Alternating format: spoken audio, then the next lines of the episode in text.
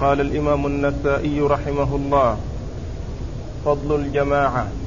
وقال أخبرنا قتيبة عن مالك عن نافع عن ابن عمر رضي الله عنهما أن رسول الله صلى الله عليه وسلم قال صلاة الجماعة تفضل على صلاة الفذ بسبع وعشرين درجة. وقال أخبرنا قتيبة عن مالك عن ابن شهاب عن سعيد بن المسيب عن أبي هريرة رضي الله عنه أن رسول الله صلى الله عليه وسلم قال صلاة الجماعة أفضل من صلاة أحدكم وحده خمسا وعشرين جزءا. وقال أخبرنا عبيد الله بن سعيد قال حدثنا يحيى بن سعيد عن عبد الرحمن بن عمار قال حدثني القاسم بن محمد عن عائشة رضي الله عنها عن النبي صلى الله عليه وسلم أنه قال صلاة الجماعة تزيد على صلاة الفذ خمسا وعشرين درجة. بسم الله الرحمن الرحيم. الحمد لله رب العالمين وصلى الله وسلم وبارك على عبده ورسوله نبينا محمد وعلى آله وأصحابه أجمعين. يقول النسائي رحمه الله فضل صلاة الجماعة. أي بيان فضلها ومضاعفة الأجر فيها. عندما يصلي الإنسان جماعة فإن صلاته تضاعف. عما لو صلى وحده تضاعف عما, عما لو صلى وحده.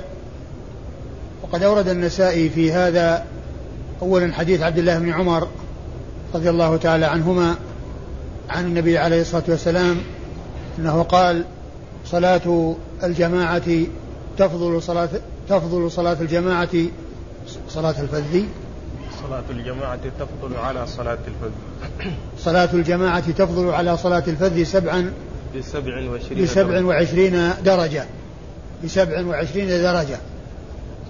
هذا الحديث يبين أن صلاة الجماعة إذا صلاها الإنسان مع الجماعة فإنها تفضل على صلاته لو صلى وحده بسبع وعشرين درجة. وجاء في الحديث الذي بعده حديث أبي هريرة بخمسة وعشرين جزءا. أي صلاة الجماعة تفضل صلاة الفذ بخمسة وعشرين جزءا. وجاء في الحديث الثالث. عائشة. حديث عائشة رضي الله تعالى عنها وهو بمعنى حديث عبد الله بن عمر أن آه، صلاة الجماعة تفضل صلاة الفذ بسبع وع... سبع آه، بخمس وعشرين درجة.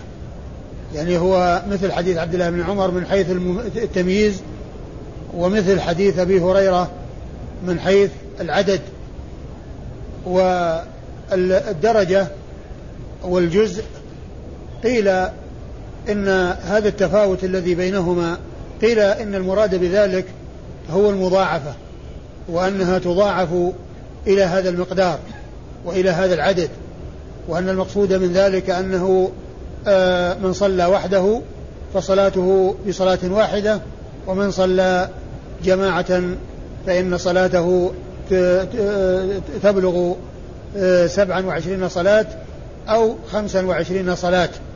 ومعنى هذا أنها تضاعف هذه المضاعفة ويكون الإنسان الذي صلى جماعة آه، حصل له هذا التضعيف وكأنه صلى هذه الصلوات بسبب صلاته مع الجماعة وهو دال على فضل صلاة الجماعة.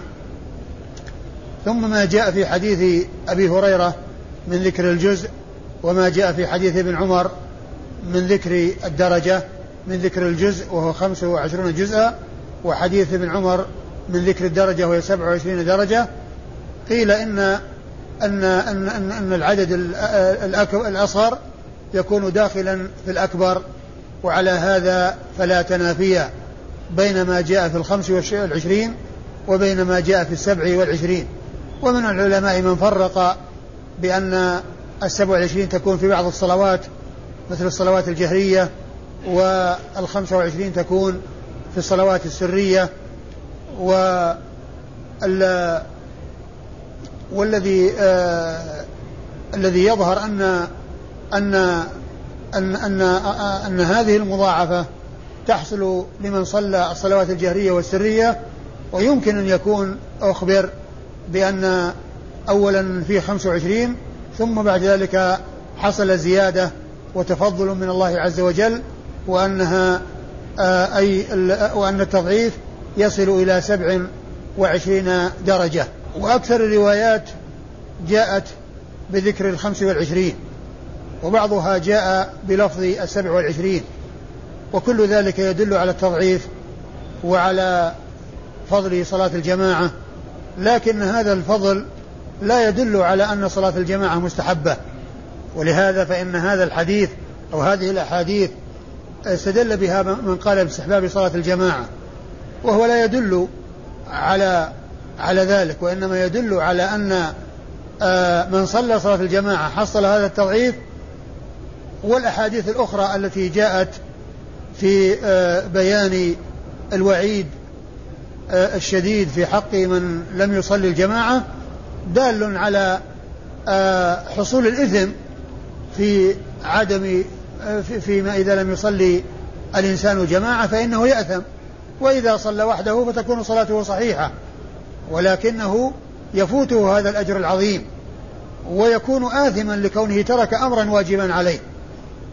ولهذا فإن بعض العلماء قال باستحبابها واستدل بهذه الأحاديث وهذه الأحاديث لا لا تدل على الاستحباب لأن الأحاديث الأخرى دالة على على الإثم وعلى العقوبة وإذا فهذه الأحاديث تدل على أن صلاة الجماعة إذا صل أن الصلاة إذا صلى الإنسان وحده فإن فإن صلاته تكون صحيحة ولكنه يأثم لعدم صلاته مع الجماعة. والأحاديث التي جاءت في التحذير من التخلف عن صلاة الجماعة وبيان أن من يفعل ذلك هي متصف بصفات المنافقين وكذلك أيضا ما جاء عن النبي عليه الصلاة والسلام من الأحاديث التي فيها الأمر بالجماعة والحث عليها والتحذير من التهاون فيها كما جاء في حديث الأعمى وغيره الذي قال له هل تسمع النداء؟ فقال نعم. قال فأجب. فتلك الأحاديث دالة على وجوبها وهذا وهذه الأحاديث تدل على أن صلاة المنفرد وحده صحيحة ولكنه يأثم إذا لم يأتي بصلاة الجماعة. يأثم إذا لم يأتي بصلاة الجماعة للأحاديث الأخرى الدالة على وجوبها. والقول بوجوب صلاة الجماعة هو هو الأظهر. ومن العلماء من قابل القول بالاستحباب وقال إن صلاة الجماعة شرط بمعنى أنه لا تصح الصلاة من الإنسان لو صلى وحده. لا تصح الصلاة من الإنسان لو صلى وحده. وهذا أيضا ليس بصحيح لأن هذه الأحاديث وهي صلاة الجماعة تفضل صلاة الفرد ب 27 درجة تدل على بطلان هذا القول أن صلاة الجماعة شرط في صحة الصلاة وأن الإنسان لو صلى وحده بطلت صلاته ترده هذه الأحاديث التي معنا وهي قوله عليه, عليه, الصلاة والسلام صلاة الجماعة تفضل صلاة الفرد ب 27 درجة. آه تبطل هذا القول. وإذا فالقول الوسط والقول الذي تؤيده الأدلة هو أن الجماعة واجبة وأن من صلى وحده فصلاته صحيحة ويكون آثما لكونه ترك أمرا واجبا عليه.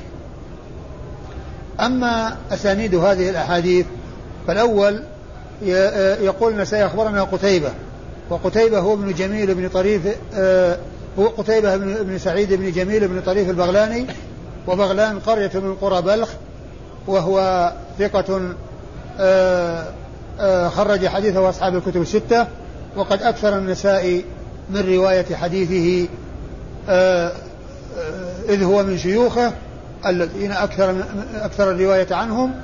بل إن أول حديث في في سنن النسائي شيخه فيه قتيبة بن سعيد هذا. وقل ما يأتي صفحات خالية من ذكر قتيبة بن سعيد. بل مجيئه كثير وذكره كثير. والرواية عنه في هذه السنن كثيرة. عن مالك ومالك هو ابن أنس ابن آآ آآ إمام دار الهجرة المحدث الفقيه الإمام المشهور أحد أصحاب المذاهب الأربعة مذاهب أهل السنة المشهورة المعروفة.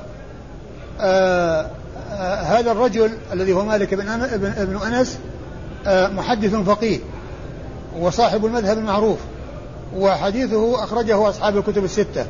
حديثه أخرجه أصحاب الكتب الستة.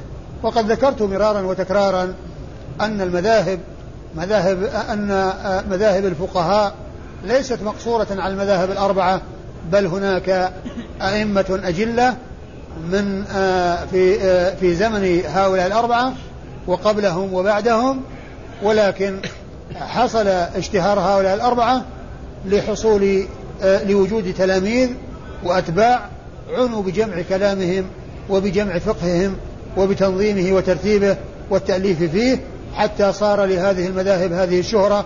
وإلا فإن هناك علماء آخرون لهم مجتهدون مثل هؤلاء مثل إسحاق بن راهوية ومثل الأوزاعي ومثل الليث بن سعد ومثل إبراهيم النخعي وغيرهم من الأئمة آه، المحدثين الذين هم من الأئمة المجتهدين ولكنه ما حصل لهم مثل ما حصل لهؤلاء الأربعة من وجود أتباع يعنون بفقههم بجمعه وبتوضيحه وبترتيبه وتنظيمه وما إلى ذلك مما يتعلق به.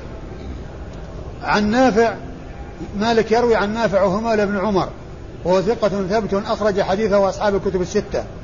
يروي عن عبد الله بن عمر صاحب رسول الله عليه الصلاة والسلام وأحد العبادلة الأربعة في الصحابة الذين هم عبد الله بن عمر وعبد الله بن عمرو وعبد الله بن الزبير وعبد الله بن عباس وهو أحد السبعة المكثرين من رواية حديث رسول الله صلى الله عليه وسلم. وهذا الإسناد رباعي هو من أعلى الأسانيد عند النسائي لأن النسائي أعلى ما عنده الرباعيات وليس عنده شيء من الثلاثيات. وسبق أن ذكرت أن أصحاب الكتب الستة ثلاثة منهم عندهم ثلاثيات وثلاثة عندهم ثلاثة منهم أعلى ما عندهم الرباعيات والذين عندهم ثلاثيات هم البخاري فعنده 22 حديثا ثلاثية والترمذي عنده حديث واحد ثلاثي وابن ماجه عنده خمسة حديث ثلاثية بإسناد واحد. وأما مسلم وأبو داود والنسائي فأعلى ما عندهم الرباعيات وهذا الإسناد الذي معنا وهو مالك وهو قتيبة عن مالك عن نافع عن ابن عمر هذا سند الرباعي وهو من أعلى الأسانيد عند النسائي. ثم هذا الإسناد الذي فيه مالك عن نافع عن ابن عمر هذا هو الإسناد الذي قال عنه أو جاء عن الإمام البخاري أنه أصح الأسانيد يسمى السلسلة الذهبية وهو أصح الأسانيد عند الإمام البخاري رحمة الله عليه. أما الإسناد الثاني يقول النسائي. أخبرنا قتيبة. أخبرنا قتيبة. عن مالك. قتيبة عن مالك. عن ابن شهاب. قتيبة عن مالك وهما اللذان مرا في الإسناد الذي قبل هذا. عن ابن شهاب وهو محمد بن مسلم ابن عبيد الله بن عبد الله ابن شهاب. فمنسوب إلى جده شهاب. وهو جد جده لأنه واحد من أجداده لأنه مسلم بن عبيد مسلم محمد بن مسلم ابن عبيد الله بن عبد الله آه ابن آه محمد بن مسلم ابن عبيد الله ابن عبد الله بن شهاب فهو جد جده لأنه محمد بن مسلم ابن عبيد الله ابن عبد الله بن شهاب وهو مشهور بالنسبة إلى جده الذي هو جد جده آه شهاب وأيضا مشهور بالنسبة إلى جده, جده الأعلى زهرة ابن كلاب أخو قصي بن كلاب. يلتقي نسبه مع نسب الرسول صلى الله عليه وسلم بقصي بن كلاب بكلاب. وقصي وزهرة أولاد ابن ابن كلاب. فهو منسوب إلى جده زهرة فيقال له الزهري. ومنسوب إلى جده شهاب فيقال له ابن شهاب وهو محدث فقيه وإمام جليل و آه، وهو من صغار التابعين وحديثه أخرجه أصحاب الكتب الستة وهو الذي كلفه عمر بن عبد العزيز رحمة الله عليه في زمن خلافته في جمع السنة. ولهذا يقول السيوطي أول جامع الحديث والأثر ابن شهاب آمر له عمر. والمقصود من ذلك أنه هو الذي قام بتكليف قام بالتدوين بتكليف من السلطان ومن ولي الأمر. وأما الكتابة والتدوين بجهود فردية وبجهود شخصية فهذا موجود في زمن الصحابة وموجود في زمن التابعين. وابن شهاب الزهري هو من صغار التابعين ولكن الذي حصل الذي حصل منه القيام به بتكليف من السلطان الذي هو عمر بن عبد العزيز رحمة الله عليه الذي توفي سنة 101 للهجرة. وحديث الزهري أخرجه أصحاب الكتب الستة. حديث الزهري أخرجه أصحاب الكتب آه الستة. عن سعيد بن المسيب. عن سعيد آه ابن المسيب. وسعيد بن المسيب هذا هو من آه فقهاء التابعين من فقهاء المدينة السبعة المشهورين في عصر التابعين الذين اشتهروا بالفقه والحديث وكانوا في آه وقت واحد. وإذا جاء مسألة اتفقوا عليها قيل عنها وقال بها الفقهاء السبعة. والمراد بالسبعة آه سبعة من فقهاء المدينة في عصر التابعين منهم سعيد المسيب هذا. وهم سعيد المسيب وعبيد الله بن عبد الله بن عتبة بن مسعود وخارجة بن زيد بن ثابت والقاسم بن محمد بن أبي بكر الصديق وسليمان بن آه بن يسار وعروة بن الزبير بن العوام. هؤلاء ستة متفق على عدهم في الفقهاء السبعة. والسابع منهم فيه ثلاثة أقوال. قيل أبو بكر بن عبد الرحمن بن الحارث بن هشام. وقيل أبو سلمة بن عبد الرحمن بن عوف وقيل سالم بن عبد الله بن عمر بن الخطاب. فهؤلاء الثلاثة آه اختلف في عدهم في الفقهاء السبعة. فالسابع مختلف فيه على ثلاثة أقوال وستة متفق على عدهم في الفقهاء السبعة وسعيد مسيب من المتفق على عدهم في الفقهاء السبعة وهو محدث آه، آه، مشهور. وحديثه أخرجه أصحاب الكتب الستة. عن أبي هريرة. عن أبي هريرة رضي الله تعالى عن صاحب رسول الله عليه الصلاة والسلام وهو عبد الرحمن بن صخر على أصح الأقوال في اسمه واسم أبيه وهو آه، أكثر الصحابة على الإطلاق حديثا عن رسول الله صلى الله عليه وسلم والمكثرون من رواية حديث رسول الله عليه الصلاة والسلام من أصحابه سبعة وأكثر هؤلاء السبعة حديثا أبو هريرة رضي الله تعالى عنه. وهو إنما أسلم عام آه، عام خيبر ولكن هذه الكثرة آه، حصلت سببها أولا دعاء الرسول عليه الصلاة والسلام له بالحفظ وأن يحفظ ما يعني آه، يأخذه وثانيا كونه ملازما للرسول صلى الله عليه وسلم منذ أسلم إلى أن توفي رسول الله عليه الصلاة والسلام ثم أيضا كونه في المدينة آه وهي ملتقى الوافدين والقادمين إليها والصادرين عنها ثم أيضا هو عمر حتى أدركه الكثيرون فصار آه آه يأخذ ويعطي وصار يأخذ عن الصحابة والصحابة يأخذون عنه الصحابة والتابعون يأخذون عنه وهو يأخذ عن الصحابة فكثر حديثه رضي الله تعالى عنه وأرضاه وهذا هو السبب آه، في كثرة حديثه بل هو كما عرفنا أكثر الصحابة حديثا على الإطلاق. وهذا الإسناد خماسي آه، قتيبة ومالك وابن شهاب وسعيد وأبو هريرة. الإسناد الثالث عبيد الله بن سعيد. أما الإسناد الثالث يقول أخبرنا عبيد الله بن سعيد. وعبيد الله بن سعيد هو السرخسي اليشكري وهو ثقة مأمون سني آه، خرج حديثه البخاري ومسلم والنسائي. البخاري ومسلم والنسائي. وقيل له سني لأنه أظهر السنة في بلده. أظهر السنة في بلده فقيل له سني. عن؟ يحيى بن سعيد. عن يحيى بن سعيد وهو القطان. يحيى بن سعيد البصري القطان ثقة ثبت إمام ناقد من أئمة الجرح والتعديل حديثه أخرجه أصحاب الكتب الستة. عن عبد الرحمن بن عمار. عن عبد الرحمن بن عمار وهو عبد الرحمن بن عمار ابن أبي زينب وهو ثقة أخرج حديثه. أبو داود في المراسيل. أبو داود في المراسيل والنسائي. أبو داود في المراسيل والنسائي. عن عن القاسم بن محمد. عن القاسم بن محمد بن أبي بكر الصديق. القاسم بن محمد ابن أبي بكر الصديق وهو ثقة حديثه عند أصحاب الكتب الستة وهو أحد الفقهاء السبعة الذين مر ذكرهم عند ذكر سعيد بن المسيب بل هو أحد السبعة آه، الذين لم يختلف في آه، آه، أحد الستة الذين لم يختلف فيهم لم يختلف في عدهم من الفقهاء السبعة. لأنه واحد من الستة الذين لم يختلف في عدهم من الفقهاء السبعة. عن عائشة؟ عائشة نعم. عن عائشة أم المؤمنين الصديقة بنت الصديق أكثر نساء هذه الأمة حديثا و وهي المرأة الوحيدة التي عرفت بكثرة الحديث عن رسول الله عليه الصلاة والسلام.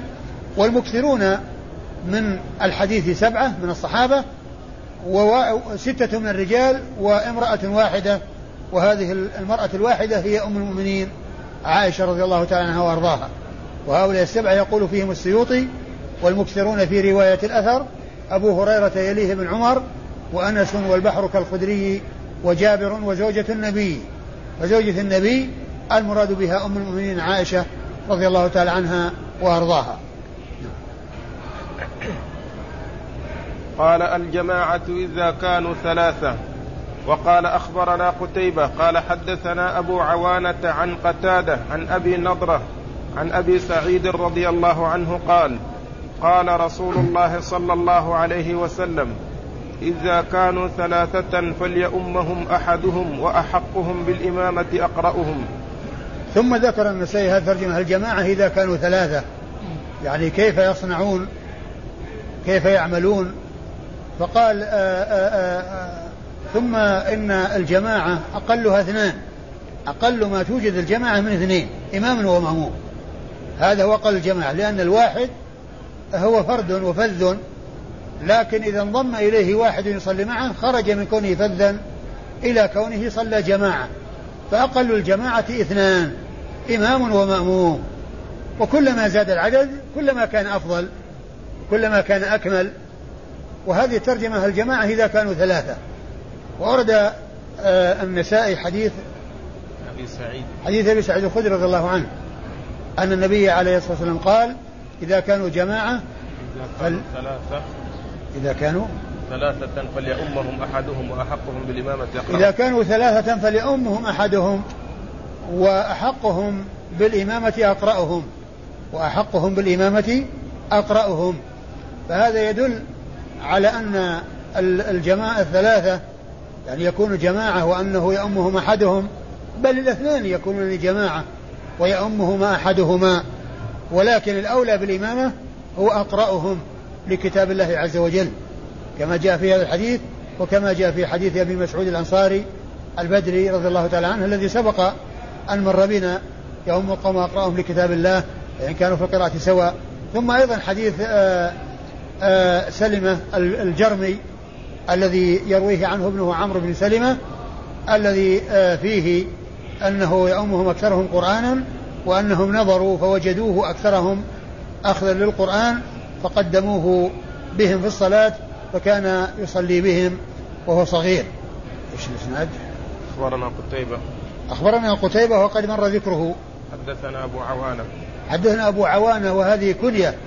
اشتهر بها الوضاح بن عبد الله اليشكري الواسطي وهو ثقة ثبت أخرج حديثه أصحاب الكتب الستة ومشهور بكنيته أبو عوانة مشهور بكنيته أبو عوانة وهو من طبقة شيوخ شيوخ أصحاب الكتب الستة وفي وهناك من هو مشتهر بهذه الكنية وهو صاحب المستخرج على صحيح مسلم أو أو أو المسند أو الصحيح لأنه يسمى صحيح الأبي عوانة ومستخرج أبي عوانة ومسند أبي عوانة وهو وذاك متأخر.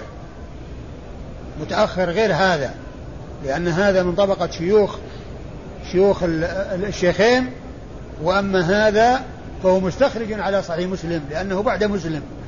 يعني يروي أحاديث مسلم بأسانيد يلتقي فيها مع الإمام مسلم ولا يمر بالإمام مسلم. هذا هو المستخرج. فذاك غير هذا. وأبو عوانة هذا الذي معنا الوضاح بن عبد الله اليشكري الواسطي ثقة ثبت مشهور بكنيته وأخرج حديثه أصحاب الكتب الستة. عن قتادة. عن قتادة بن دعامة السدوسي البصري وهو ثقة حديثه عند أصحاب الكتب الستة. عن أبي نضرة. عن أبي نضرة وهو المنذر ابن مالك المنذر بن مالك البصري وهو ثقة خرج حديثه البخاري تعليقا ومسلم وأصحاب السنن الأربعة. عن أبي سعيد. عن أبي سعيد وهو سعد بن مالك بن سنان الخدري رضي الله تعالى عنه مشهور بكنيته أبو سعيد وهو سعد بن مالك بن سنان. وهو أحد السبعة المعروفين بكثرة الحديث عن رسول الله صلى الله عليه وسلم والذين أشرت إليهم آنفا. قال الجماعة إذا كانوا ثلاثة رجل وصبي وامرأة. وقال أخبرنا محمد بن إسماعيل بن إبراهيم قال حدثنا حجاج. قال قال ابن جريج أخبرني زياد أن قزعة مولا لعبد, لعبد القيس. أخبره أنه سمع عكرمة قال قال ابن عباس رضي الله عنهما صليت إلى جنب النبي صلى الله عليه وسلم وعائشة خلفنا تصلي معنا وأنا إلى جنب النبي صلى الله عليه وسلم أصلي معه. ثم ورد النسائي هذه الجماعة إذا كانوا ثلاثة رجل وصبي وامرأة. رجل وصبي وامرأة. ثم ورد فيه حديث آه، ابن عباس رضي الله تعالى عنهما أنه صلى مع النبي عليه الصلاة والسلام فكان على يمينه وكانت عائشة تصلي معهما وهي وراءهم. وهذا فيه أن أن أن أن الرجل مع الصبي والمرأة يكونون جماعة وأن وأن الموقف يكون عن يمين الإمام إذا كان واحدا سواء كان رجلا أو كان صبيا.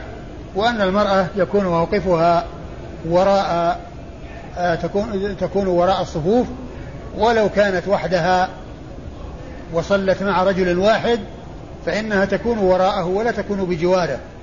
لأن النساء لا تصاف الرجال وإنما صفوفهن وحدهن. ولو كانت واحدة فإنها تصلي وحدها.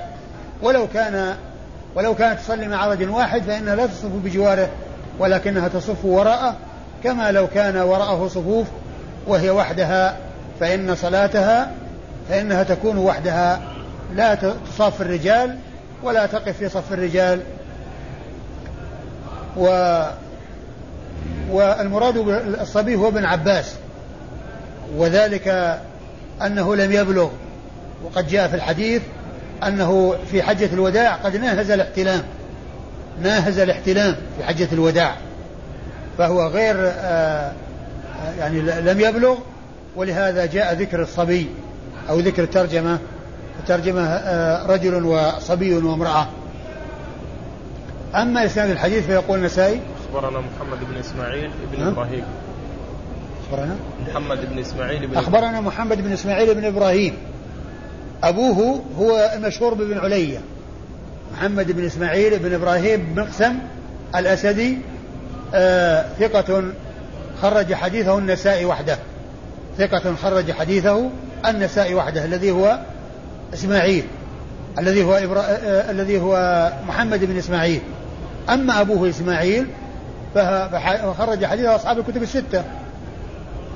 خرج حديثه أصحاب الكتب الستة. أما ابنه محمد بن إسماعيل ابن إبراهيم بن مقسم الأسدي فحديثه أخرجه النسائي وحده وهو ثقة.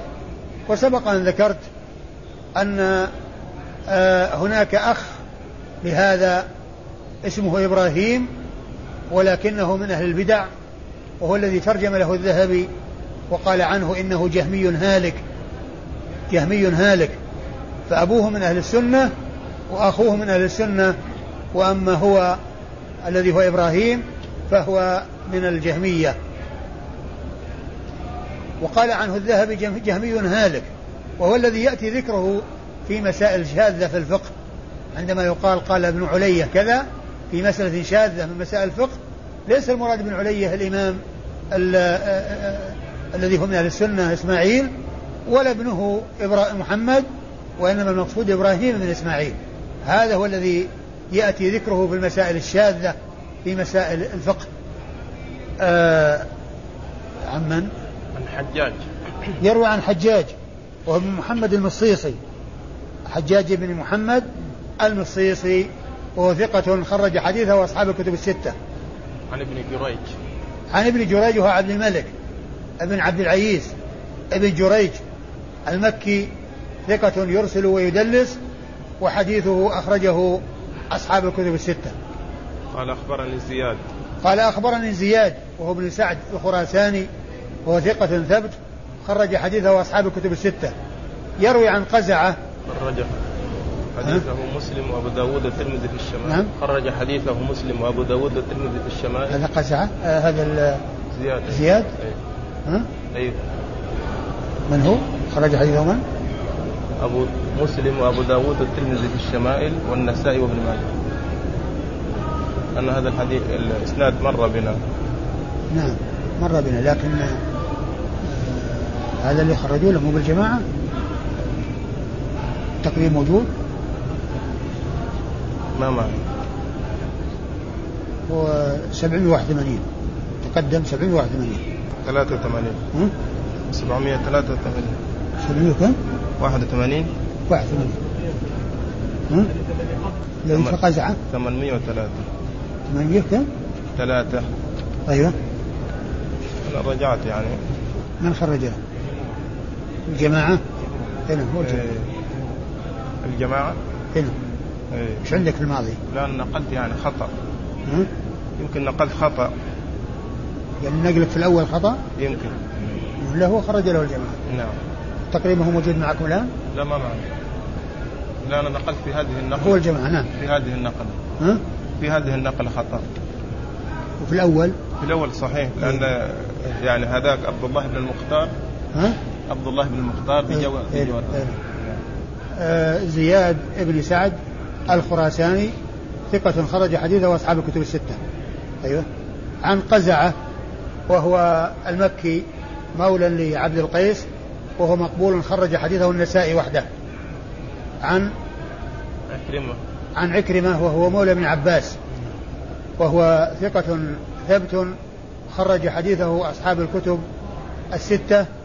و آه، آه، وقد تكلم فيه في عدة نواحي ولكن آه، الحافظ بن حجر أطال في ترجمته في مقدمة الفتح وذكر وحصر ما تكلم عليه به ودافع عنه وبين عدم صحة ما نسب إليه وأنه ثقة ثبت.